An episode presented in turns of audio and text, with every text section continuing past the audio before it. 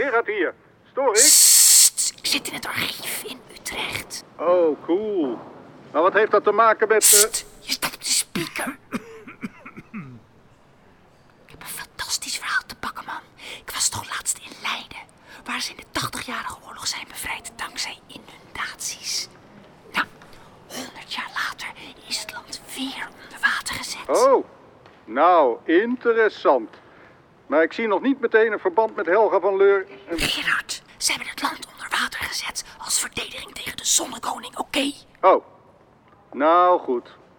Ik ben benieuwd naar je verhaal, meid. Maar vergeet de human interest niet, hè? Nee hoor, doei Gerard. Het barst van de human interest in het archief. Hier, dit bijvoorbeeld. Ach, wat is dit een ellendige tijd. De vijand nadert ons. Alle mensen pakken hun spullen en vluchten. Rotterdam, Haarlem, Leiden, Utrecht en Delft zijn in oproer. En ik? Er is niemand die zich om mij bekommert. Een brief van ene Margaretha Turner. Nou, als dat geen human interest is. Was dat uw baas aan de telefoon? Ja, eh, sorry dat ik hem op de luidspreker had. Hij is, eh, nou ja, het is mijn redacteur. En hij wil dat u een artikel gaat schrijven over het weer. Ja, een of ander babbelstukje. Maar dat ga ik niet doen hoor. Pff, dit hier is veel interessanter. Ze hebben hier maar liefst 500 brieven liggen van die Margaretha. En de meeste uit het jaar 1672. Dat was het rampjaar. Toen werd Nederland van alle kanten onder de voet gelopen. Ook door de legers van Lodewijk XIV. Ja, inderdaad, de zonnekoning. De vijand nadert. Arnhem wordt belegerd. Steden en forten geven zich over zonder dat er een schot is gelost. Het was een enorme chaos in het land. Verslagenheid, overal. Stop nou eens met janken, jij. Mannen en vrouwen lopen langs de weg en huilen als kinderen.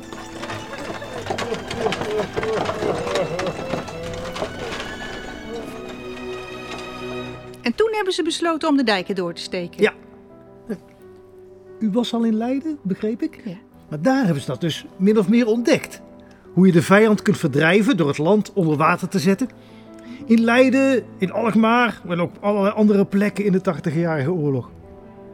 Maar aan het rampjaar, toen zijn ze een stap verder gegaan. Toen hebben ze het water niet bij één stad als wapen ingezet, maar in heel Holland.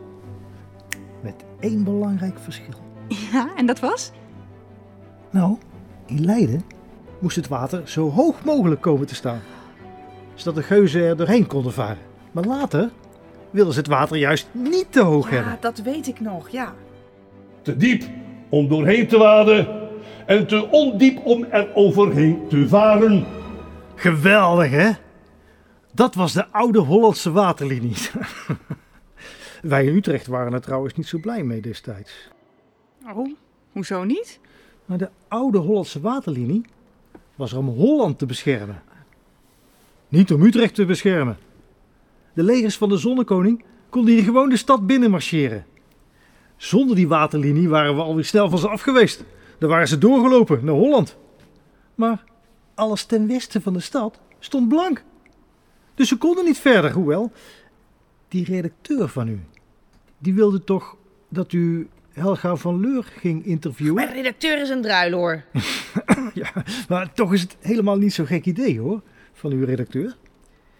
In het rampjaar hadden ze een betrouwbare weersverwachting goed kunnen gebruiken. Er is namelijk nogal een verschil tussen een waterlinie en een ijslinie. Eind december ging het mis. Zeer strenge vorst in de nacht en ochtend. Na een paar dagen konden de Fransen zo over de waterlinie heen lopen. De Fransen konden over het ijs helemaal tot aan de dijk van het riviertje de Meijen lopen. Dat zag er dus niet zo goed uit voor Holland. Maar er was iets waar de Fransen niet op hadden gerekend. We krijgen te maken met snel oplopende temperaturen. Oh,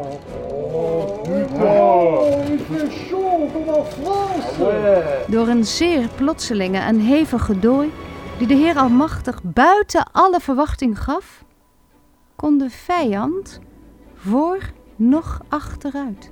Merde, caca, Oh là là, c'est terrible quoi De Fransen konden ternauwernood via de dijken weer teruglopen.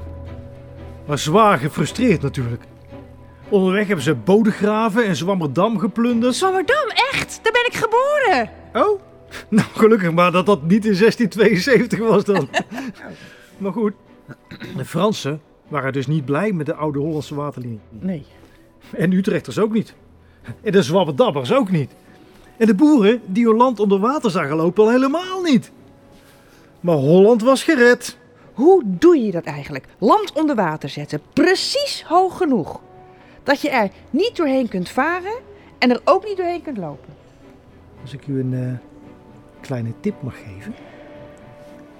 Na de oude Hollandse waterlinie kwam de nieuwe Hollandse waterlinie. Net iets meer naar het oosten. Die beschermde niet alleen Holland, maar ook de stad Utrecht. En alles ten westen daarvan. En het aller, allermooiste van die nieuwe Hollandse waterlinie, dat was de Plofsluis. Dekking!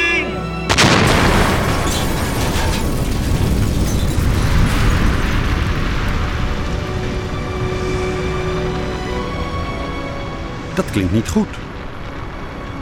Wat gebeurde daar nu weer? En wat heeft dat met de nieuwe Hollandse waterlinie te maken? Mara van Dijk zoekt het voor je uit in de volgende aflevering van Geheim Water.